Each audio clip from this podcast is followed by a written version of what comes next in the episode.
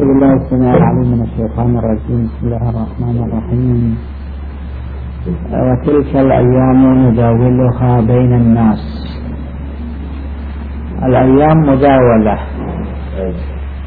الملك السلطة التجارة المرجعية المنبر الوظيفة السيادة كلها تداول. يوما هذا ويوما هذا ويوما هذا. في حين هذه الفئة وفي حين هذه الفئة وفي حين هذه الفئة. هل أن الملك يدوم لأحد؟ هل أن المرجعية تدوم لأحد؟ هل أن الخطابة تدوم لأحد؟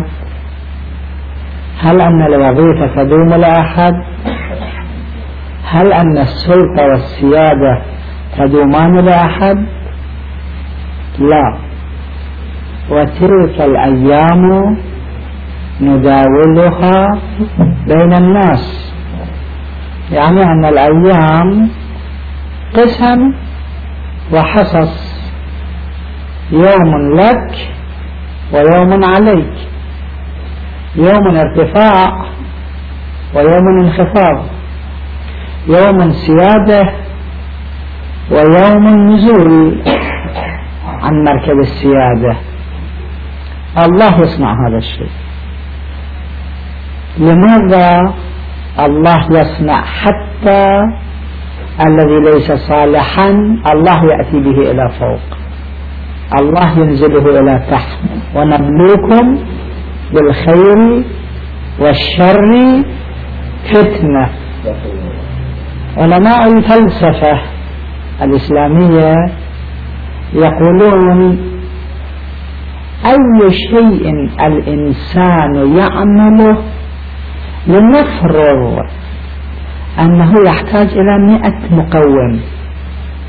تسعة وتسعين مقوم من الله. ومقوم واحد منك. يعني أنت إمام جماعة. الله سبحانه وتعالى تسعة وتسعين من إمامتك مرتبطة بالله. وواحد مرتبط بك. زيد الخمار تسعة وتسعين من أنه يشرب الخمر مرتبط بالله. واحد مرتبط بنفسه. يعني ماذا؟ يعني أنه الإنسان الذي يذهب إلى إمامة الجماعة أو الإنسان الذي يذهب إلى حانوت الخمر ليشرب الخمر. روحه ممن؟ جسمه ممن؟ قوته ممن؟ قدرته ممن؟ طاقته ممن؟ جهاد تفكيره ممن؟ ثم الخمر ممن؟ الخمر من العنب والعنب من الله. الأرض من الله فهذا الذي يصلي على الأرض من الله. القدرة المنعة الإمكانية الطاقة كلها من الله. ولذا في القرآن الحكيم مكررا الله ينسب كل الأفعال إلى نفسه. وما رميت إذ رميت ولكن الله رمى. لما أنت ترمي مئة جزء لنفرض تسعة وتسعين من الأجزاء من الله جزء واحد منك. وتصلي كذلك وتزرع كذلك. أنتم تزرعونه أم نحن الزارعون؟ ماذا تصنع أنت؟ إنما توخر الأرض والأرض تتوخر بقانون من الله. وتجعل النواة والنواة من الله. وقدرتك على الجعل من الله والماء من الله. وأن الماء إذا جاء إلى النواة النواة نبتت من الله. وإنما أنت معد. أنت متحرك لا أكثر ولا أقل. وثواب الإنسان وعقاب الإنسان لهذا الجزء. إن ينصح الإخوان جميعا بمطالعة الفلسفة الإسلامية بصورة خاصة في ضمن مطالعة كل الفلسفات من الضروري على العالم وعلى الخطيب وعلى المبلغ وعلى الواعظ وعلى المرشد وعلى المؤلف أن يعرف الفلسفة الإسلامية بصورة خاصة وأن يعرف كل الفلسفات العالمية المعاصرة والغابرة بصورة عامة. لأن على الفلسفة مؤسس الدين. الفلسفة يعني الحكمة. فيلا سوفا وأنا بحب الحكمة. فلسفة عبارة عن تقليل كلمة فيلسوفة. بحب الحكمة؟ فالحكمة معناها وضع الأشياء مواضعها فمن هذا العمل الذي الإنسان يصنعه تسعة وتسعين منه من الله. وواحد منك خيرا كان الإنسان أو شريرا. يزيد جاء إلى الحكم بقانون الله جاء إلى الحكم. الله يعني شنو؟ يعني الله أعطاه القدرة. إذا الله تعالى أخذ منه القدرة هل كان يتمكن؟ السيف الذي ذبح ذبح الحسين كان بماذا؟ هو السيف إذا الله ما كان خالقه هل كان هنالك السيف وهل كان إذا الله لم يعطي القدرة لشمر يتمكن من هذا الشيء؟ كله الإنسان ما يعمله تسعة وتسعين منه من الله. خيرا كان أو شريرا. عمل خيرا كان أو عمل شر. وواحد منك ومني وعلى هذا الواحد مثاب ومعاقب يعني شمر واحد منه في قتله الحسين فيعاقب على هذا الواحد. الله تعالى يوم القيامة لا يقول له لماذا كانت لك قدرة؟ لماذا كنت حيا؟ لماذا كنت مفكرا؟ لماذا كان بيدك السيف؟ لماذا كان أصل السيف؟ لا يقول. كله سمعه. يقول لماذا خزيت هذا منك. وكذلك أنت الذي تذهب وتكون إمام جماعة وتكون خطيب. الله تعالى يوم القيامة لا يقول لك لماذا كنت أو كانت لك طاقة وقدرة وفكرة. يقول لك يعطيك الثواب لأنك باختيارك صعدت المنبر وباختيارك تكلمت. فإذا في الآية الكريمة تلك الأيام نداولها بين الناس. الله يرفع والله يحفر يعني 99% من الله. الإنسان في الحياة خيرا أو شريرا. مصداق لهذه الآية المباركة. كلا نمد هؤلاء الخيرون وهؤلاء الأشرار من عطاء ربك. وما كان عطاء ربك محظورا في الدنيا عطاء الله وعند المؤمن والكافر. الخير والشرير العادل والفاسق الصديق والمنافق. عطاء الله يعم كلهم. هذا شيء. الشيء الثاني هل من الطبيعة أن الأخيار يتقدمون أو من الطبيعة أن الأشرار يتقدمون. لا الله تعالى جعل أن من الطبيعة الأخيار يتقدمون المصلون يتقدمون الصادقون المؤمنون المتدينون المصلحون العادلون. الله تعالى جعل هؤلاء يتقدمون. يعني كون الحياة تكوينا أن الفرص لهؤلاء أكثر. فلماذا نرى الأشرار يتقدمون؟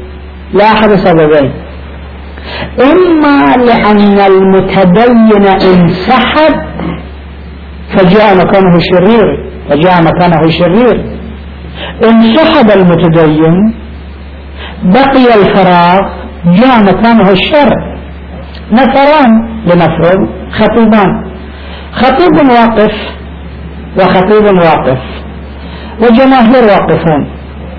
خطيب يقول أيها الناس عليكم بالصدق عليكم بالأمانة عليكم بالوفاء عليكم بالحياء عليكم بالعمل عليكم بالشهامة عليكم بالكرم عليكم بالجود عليكم بالسخاء عليكم بالشجاعة.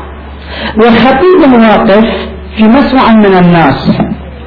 يقول أيها الناس عليكم بالكذب عليكم بالخيانة عليكم بانتهاك الحرمات عليكم بضرب الناس عليكم بإيذائهم. على أي الخطيبين يلتف الناس أكثر؟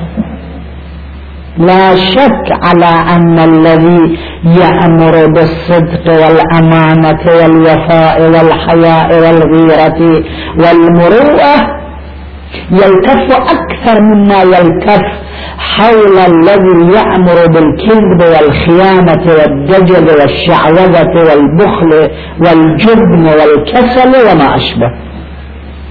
الخير يلتف الناس حوله أكثر. وإنما إذا لم يكن هذا الخطيب الخير وكان خطيبا واقفا وألبس الباطل ثوب الحق. الناس يلتفون حوله. طبيعة الحياة الله جعلها أن الفرص للخير أكثر. لكن الشرير يتقدم لسببين إما لانسحاب الخير لا خير في الميدان. الناس يلتفون حول الشرير. لا طبيب فاهم الناس يلتفون حول الطبيب الدجال. لنفرض الآن أصبنا بالكوليرا وذهبنا نريد طبيبا للعلاج ولم نجد هذا الطبيب. تلقائيا رأينا إنسانا مشعوذا جالسا على قارعة الطريق يعطي بعض التعاويذ السحرية. تلقائيا نذهب إليه. لأن الغريق يتشبث بكل حشيش. فطبيعة الإنسان أن يلتف حول الخير وفرص الخير أكثر إلا إذا انسحب الخير. عن الميدان تكون الدولة للشرير يكون الأمر للشرير. هذا أولا. الشيء الثاني الذي يسبب التفاف الناس حول الأشرار أنه موجود الخير لكن الخير لا يجد الآلة كل شيء بالآلة النجار يحتاج إلى الآلة والبناء يحتاج إلى الآلة والصانع يحتاج إلى الآلة الخير موجود لا يجد الشرير يلتهم الاجتماع. هاتان مقدمتان. إذا تبينت هاتان المقدمتان نأتي إلى إلماع إلى ذي المقدمة صغيرة. يعني ذي المقدمة صغير. إيران التي نشاهدها الآن. الآن 130 سنة. يعني قرن ونصف قرن تقريبا. العلماء ثاروا فيها أربع مرات. وفي ثلاث مرات نجح. وهذه هي المرة الرابعة لعلم الأصدقاء بالتاريخ. المرة الأولى في زمان قبل 130 سنة تقريبا في زمان السيد محمد المجاهد. وقبره موجود في كربلاء. وهناك مدرسة في كربلاء تسمى بمدرسة البقعة. وإنما تسمى المدرسة بمدرسة البقعة لوجود بقعة آية الله السيد محمد المجاهد في هذه البقعة وفي هذه المدرسة. وكنا نحن ندرس في هذه المدرسة. وإلى الآن المدرسة موجودة في كربلاء. هذا كان مرجع أعلى في زمانه. الروس. القيصرية. هؤلاء أرادوا الدخول في إيران واقتطاع إيران. السيد محمد المجاهد ذهب بنفسه إلى إيران وجمع الناس حوله وفي كلمة صغيرة طرد الروس. وإذا لم يكن قام السيد محمد المجاهد ذلك اليوم بهذا العمل الجبار الترحوي لكانت الآن إيران جزءا من الروسية. كما بالفعل أجزاء من إيران لم تجد السيد محمد المجاهد فالتحقت بروسية. ولعلم الأصدقاء أكو مجلة تصدر من القاهرة. اسم المجلة أكتوبر. في هذه المجلة قبل عشرين يوم ثلاثين يوم هل حوالي؟ أنا قرأت شخصيا كتاب حول المسلمون في الاتحاد السوفيتي. باحث غربي عشرين سنة حقق حول هؤلاء. هذا الشيء الذي كان يجب أننا كمسلمين نعمل. لكن هو عمل. لأن أولئك في الحقيقة عرفوا كيف يهتبل الحياة. ونحن بعد إلى مفتتح الطريق. هذا الباحث عشرين سنة يحقق حول المسلمين في الاتحاد السوفيتي ويجمع المعلومات من الكتب والمجلات والجرائد والإذاعات وما أشبه.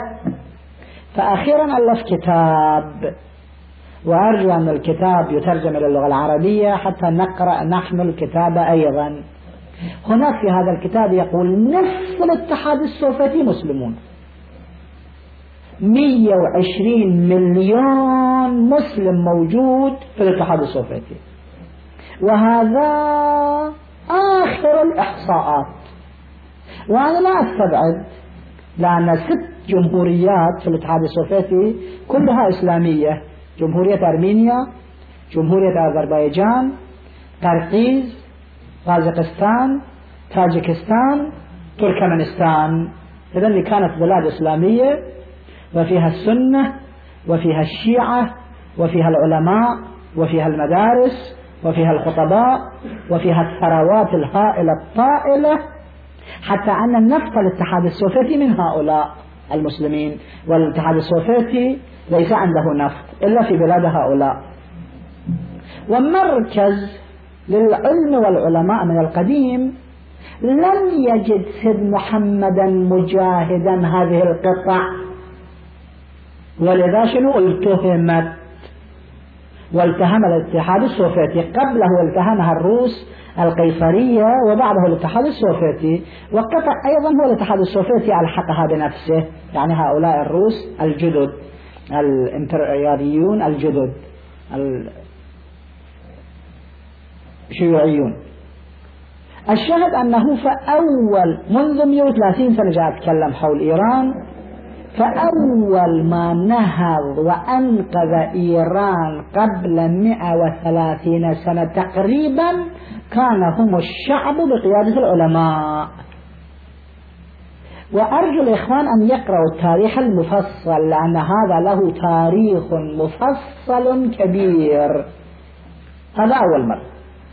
قبل تسعين سنة يعني بعد أربعين سنة تقريبا من هذه الواقعة أنقذ إيران عالم ثان مع الشعب من يد البريطانيين الإنجليز. في قصة المرزا حسن الشيرازي الذي دخل الإنجليز إيران تحت ستارة تنباك وأنا قرأت في كتاب مخطوط وكنت في فكرة أن أطبع الكتاب في العراق لكن ما وفقنا. لطبعه كتاب ينقل حوادث هذه القصة لأن القصة لم تكن في زمانها صغيرة. المرزا حسن الشيرازي وكان ذاك اليوم يقطن في سامراء وقبره الآن في النجف الأشرف قرب باب الطوسي وتصويره موجود. وهو يصير جدي من الأم وابن عم والدي من الأب. قبل تسعين سنة دخل الإنجليز بأعداد هائلة إلى إيران. حتى في هذا الكتاب قرأت أن الذين دخلوا في إيران الخبراء والفنيون والمفكرون والعلماء والكتاب والجيش احتلال. كانوا كم؟ كانوا أربعمائة ألف إنجليزي. الآن من المعروف أن الروس الموجودين أن الأمريكان الموجودون في إيران ستين ألف خمسة وأربعين ألف خمسين ألف الحوالي. لكن هذا الكتاب ينقل القصص المفصلة أربعمائة ألف إنجليزي دخلوا إيران. جيش! وأي جيش؟ المرزا حسن الشيرازي ومن ورائه كل الشعب الإيراني المسلم قاموا ضد هذا الشيء. غلقوا الدكاكين ستة أشهر. ستة أشهر أحرقوا كل محاصيلهم التنباكية في الميادين العامة. امتنعوا عن بيع وشراء وتصدير والتدخين أي قطرة من التنباك.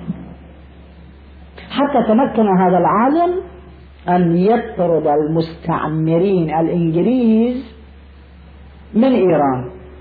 وإلا كانت إيران من ذلك اليوم قطعة من بريطانيا كما أن الجزائر صارت قطعة من فرنسا لمدة 110 سنوات. ولعله إذا كانت تلك المحاولة ناجحة ولم يجد الوقت المجدد الشيرازي لعله كان الآن إيران بلاد مسيحية ومنتهي أمرها. كما صارت أسبانيا من ذي قبل.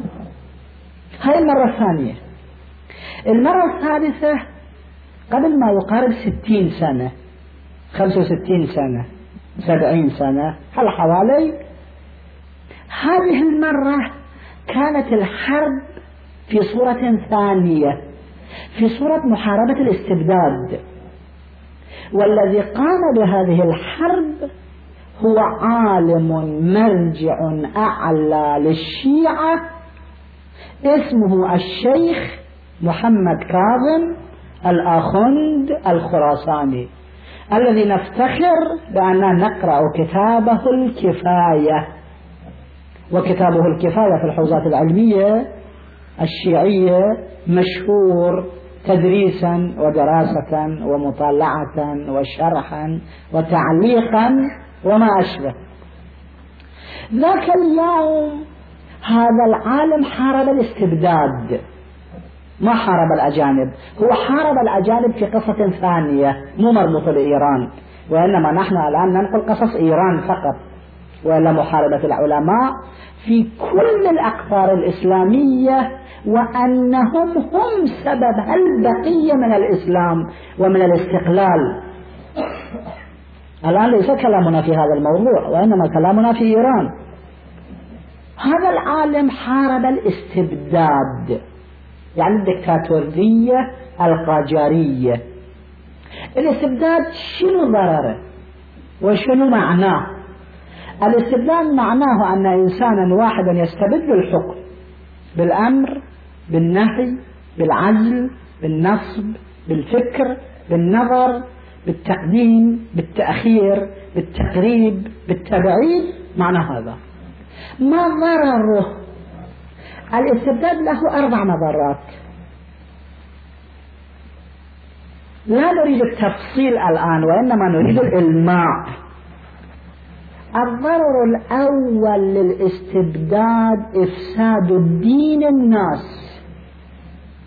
لماذا؟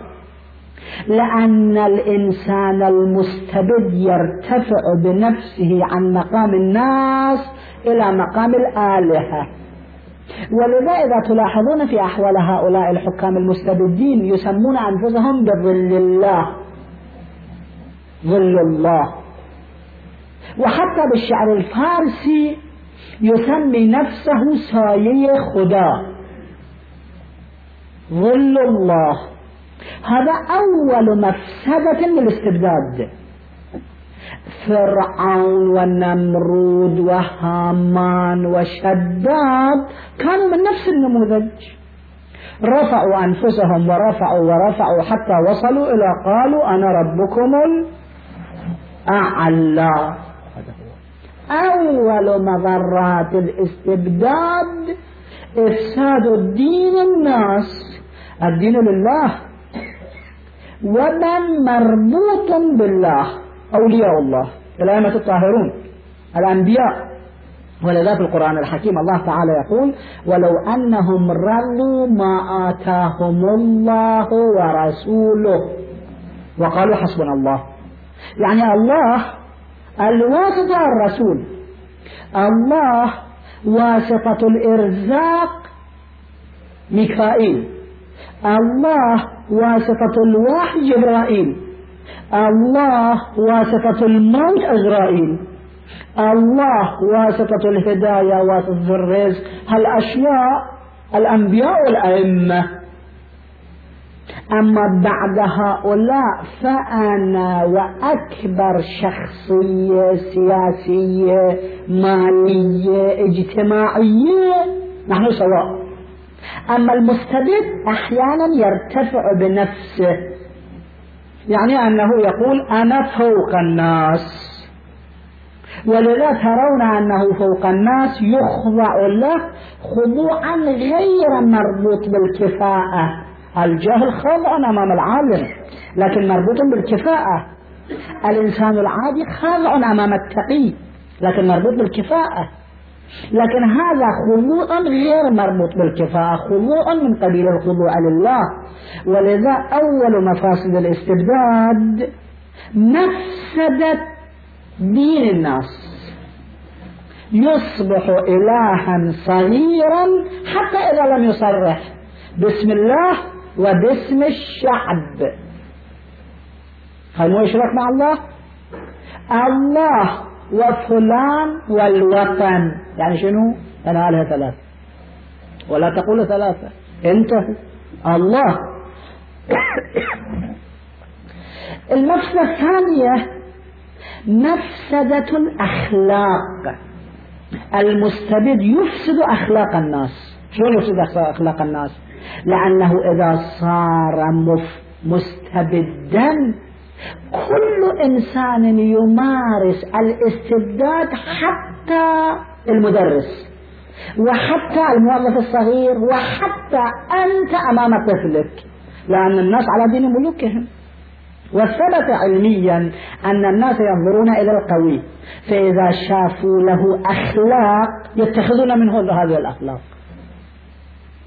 هذه هي النفس الثانية إفساد أخلاق الناس وجعلهم دكتاتوريين الآن لاحظوا في كثير من البلاد الناس مو مستعدين للمشورة. أبدا. في زواجه في طلاقه في شرائه في بيعه في سفره في إقامته في أي شيء من شؤونه. لماذا؟ هذا تلقائيا اتخذ الاستبداد من حيث يشعر أو من حيث لا يشعر عن المبادئ المستبدة. وفي أغلب بلاد الإسلام مستبدون يحكمون البلاد هذا لا شك فيه. الفرق الثالث لحكومة المستبد ضرر إفساد الاجتماع. إفساد الدين إفساد الأخلاق إفساد الاجتماع. كيف؟ لأن المستبد يقرب من يخضع له. والكفاءات دائما لا يخضعون الكفاءات تنسحب. غير الكفاءات الإمعات على لسان الإسلام الإسلام يسمي هؤلاء إمعة. هؤلاء يتقدمون ويسميهم الإسلام إمعة في الروايات تخفيفا عن أنا مع. هذا هو. عندي عقل لا. عندي تفكير لا. أعرف هذا الطريق صحيح وهذا الطريق فاسد لا. أنا معه حشر مع الناس عيب. الضرر الثالث في الاستبداد والحكومات الاستبدادية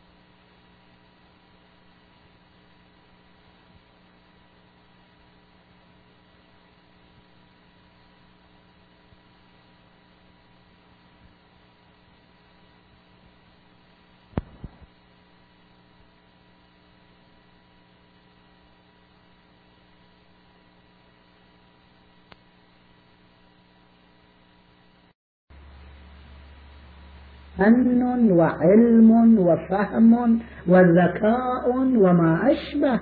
طبيبان طبيب مستقل في تفكيره لا يأتي به المستبد. والطبيب إن يأتي به المستبد. فهل يتمكن من علاج الناس هذا الطبيب؟ الغير الكفء. وقل هذا في المهندس وفي الاقتصاد وفي السياسي وفي العلم وفي الفن وفي كل شيء. هذا الضرر الثالث. الضرر الرابع للاستبداد إفساد اقتصاد الناس. لأن المستبد يرى كل المال له. إنما العراق بستان لقريش. أحد حكام عثمان يقول هذا الشيء. ما شاء أعطى وما شاء منع. ذات مرة مات أحد أصحاب الصفة وجد في ملابسه درهمان. الرسول قال إنهما سمتان من النار على جسمه. في زمان الرسول غير المستبد وأمرهم شورى. لأن هذا الرجل لا حق له أن يجلس في الصفة ويأكل فضل أموال الناس ويتكفف وهو يملك درهمين. وذات مرة عثمان بنفسه يقول ذهبت إلى رسول الله في قصة فرأيت الرسول مضطربا وغدا ذهبنا إليه ورأيناه بشوشا. ما لك يا رسول الله؟ البارحة قال أربعة دراهم من بيت المال كانت عندي في الليل وأنا لا أعلم. لا أعلم حسب الموازين الطبيعية ويريد الرسول الدرس. وأنا لا أعلم أنه هل أموت إلى الصباح أو لا أموت مع العلم إذا الرسول كان يموت. كان علي خليفة له ويعطي المال.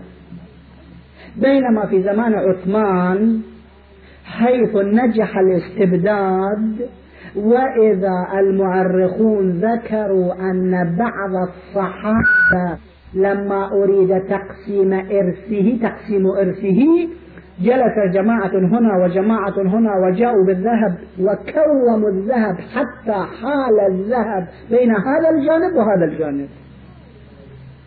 وأن قسما من الصحابة لما ماتوا في زمان عثمان وبعد عثمان كسرت ذهبهم بالفؤوس بالتقسيم الإرثي. أكو فرق قائمة جميلة للشيخ عبد الحسين الأميني الله يرحمه في كتاب الغدير ببعض الثروات التي جمعها الخليفة وحواشي الخليفة والذين كانوا متأثرين بأسلوب الخليفة. قائمة يذكر فلان كم مليون فلان كم مليون فلان كم مليون مثل هالقائمة المشهورة التي قرأتموها البارحة واليوم في الصحف. هذا طبيعة الاستبداد. مهما كان المستبد ولو كان أعدل العدول. بشر مو نبي مو إمام. مهما كان. هذه المفاسد الأربعة الألوهية إفساد دين الناس إفساد أخلاق الناس إفساد اجتماع الناس إفساد اقتصاد الناس. لأنه إذا تكومت الثروة إلى جانب من بحال الفقير. لنفرض أن في هذه المدرسة ألف دينار موجود. ونحن مئة. معناه أن كل واحد عشر دنانير لنا. أما إذا تسعمائة دينار جاء عندي معناه أن تسعة وتسعين آخرين لهم مئة دينار فقط. أن تسعة وتسعين الآخرين لهم مئة دينار. إذا تكومت المال إلى جانب الجوانب الأخر تكون محرومة. ولذا الإمام أمير المؤمنين يقول ما رأيت نعمة موفورة إلا إلى جانبها حق مضيع. هذا واقعي مو كلمة غيبية. الآخوند الخراساني قام ضد هذا الشيء. يعني الآخوند الخراساني ضد الاستبداد القاجارية وفي الحقيقة عمله ما كان أقل من عمل السيد المجاهد وما كان أقل من عمل السيد الشيرازي. وإنما قام ضد الاستبداد الداخلي. قلنا أن الأخوند حارب حربين حربا مع الاستبداد في إيران وحربا آخر حربا أخرى. نتكلم عنها في مناسبة ثانية. هذه هي المرة الثالثة في ظرف 130 سنة قام العلماء بإنقاذ الدين الناس واقتصادهم وسياستهم ووطنهم وبلادهم وأرضهم وكل شؤونهم. الناس العلماء قاموا بقيادة يعني الناس بقيادة العلماء. الآن في الحقيقة الموضوعان صاير. الآن استبداد واستعمار. هذه المرة الرابعة. شنو مضرات هالإثنين؟ واضح كل موازين الاستبداد موجود بالإضافة إلى أن الفلوس تذهب إلى الخارج والدين يستورد من الخارج والأخلاق تستورد من الخارج. يعني لنفرض حاكما مستبدا في البلد وهو مستقل يأخذ المال لكن المال كله يصرفه في نفس البلد وشهواته وملذاته. لكن إذا حاكم مستبد واستعمار فوقه. معنى شنو؟ معنى أنه حتى هو لا ينتفع بالمال. نعم ينتفع بقسم من المال. وإنما قسم كبير من المال يذهب إلى الخارج. إذا كان هو مستبدا وحده يعني بلا استعمار هو يصدر الأخلاق بصورة ضعيفة. يصدر الدين بصورة ضعيفة. يصدر الاجتماع الفاسد بصورة ضعيفة. أما إذا صار استبداد واستعمار يكون مساوئ. الاستعمار والاستبداد معا. ونحن شخصيا نرى أنه لا بد من النجاح وينجح لأن هذه طبيعة الحياة كما قلنا في المقدمة الثانية. طبيعة الحياة دائما الله تعالى جعل فرص الصالحين أكثر من فرص الفاسدين. هذه طبيعة الله وطبيعة الحياة. وإنما قلنا أنه إنما يتقدم الفاسدون إما بسبب انسحاب الصالحين أما إذا رجع الصالحون إلى الميدان الله تعالى يعطيهم أن الأرض يرثها من؟ عبادي الصالحون. مو الإرث في زمان الإمام المهدي لا شك إنه إرث في زمان الإمام المهدي. لكن دائما هذه قاعدة كلية. الأرض يرثها عبادي الصالحون. خباز سيء وخباز حسن حول من يلتف الناس؟ طبيب سيء وطبيب حسن حول من يلتف الناس. مهندس سيء ومهندس حسن حول من يلتف الناس. خطيب مجيد وخطيب غير مجيد حول من يلتف الناس. واضح هذا الشيء؟ ولذا من الموازين الطبيعة أن النجاح لنا. لكن الكلام في أنه هل في شهر؟ هل في سنة؟ هل في ستة أشهر؟ هل في تسعة أشهر؟ هذا ما يقتضي إرادة الله وعمل الناس كما ذكرنا في المقدمة الأولى بأن الأشياء تسعة وتسعين منها بيد الله وواحد بيد الناس. والله جعل الطبيعة في نجاح الخيرين وكذلك الأيام نداولها بين الناس. ونسأل الله التوفيق لما يحب ويرضى. هذا كتابنا ينطق عليكم بالحق.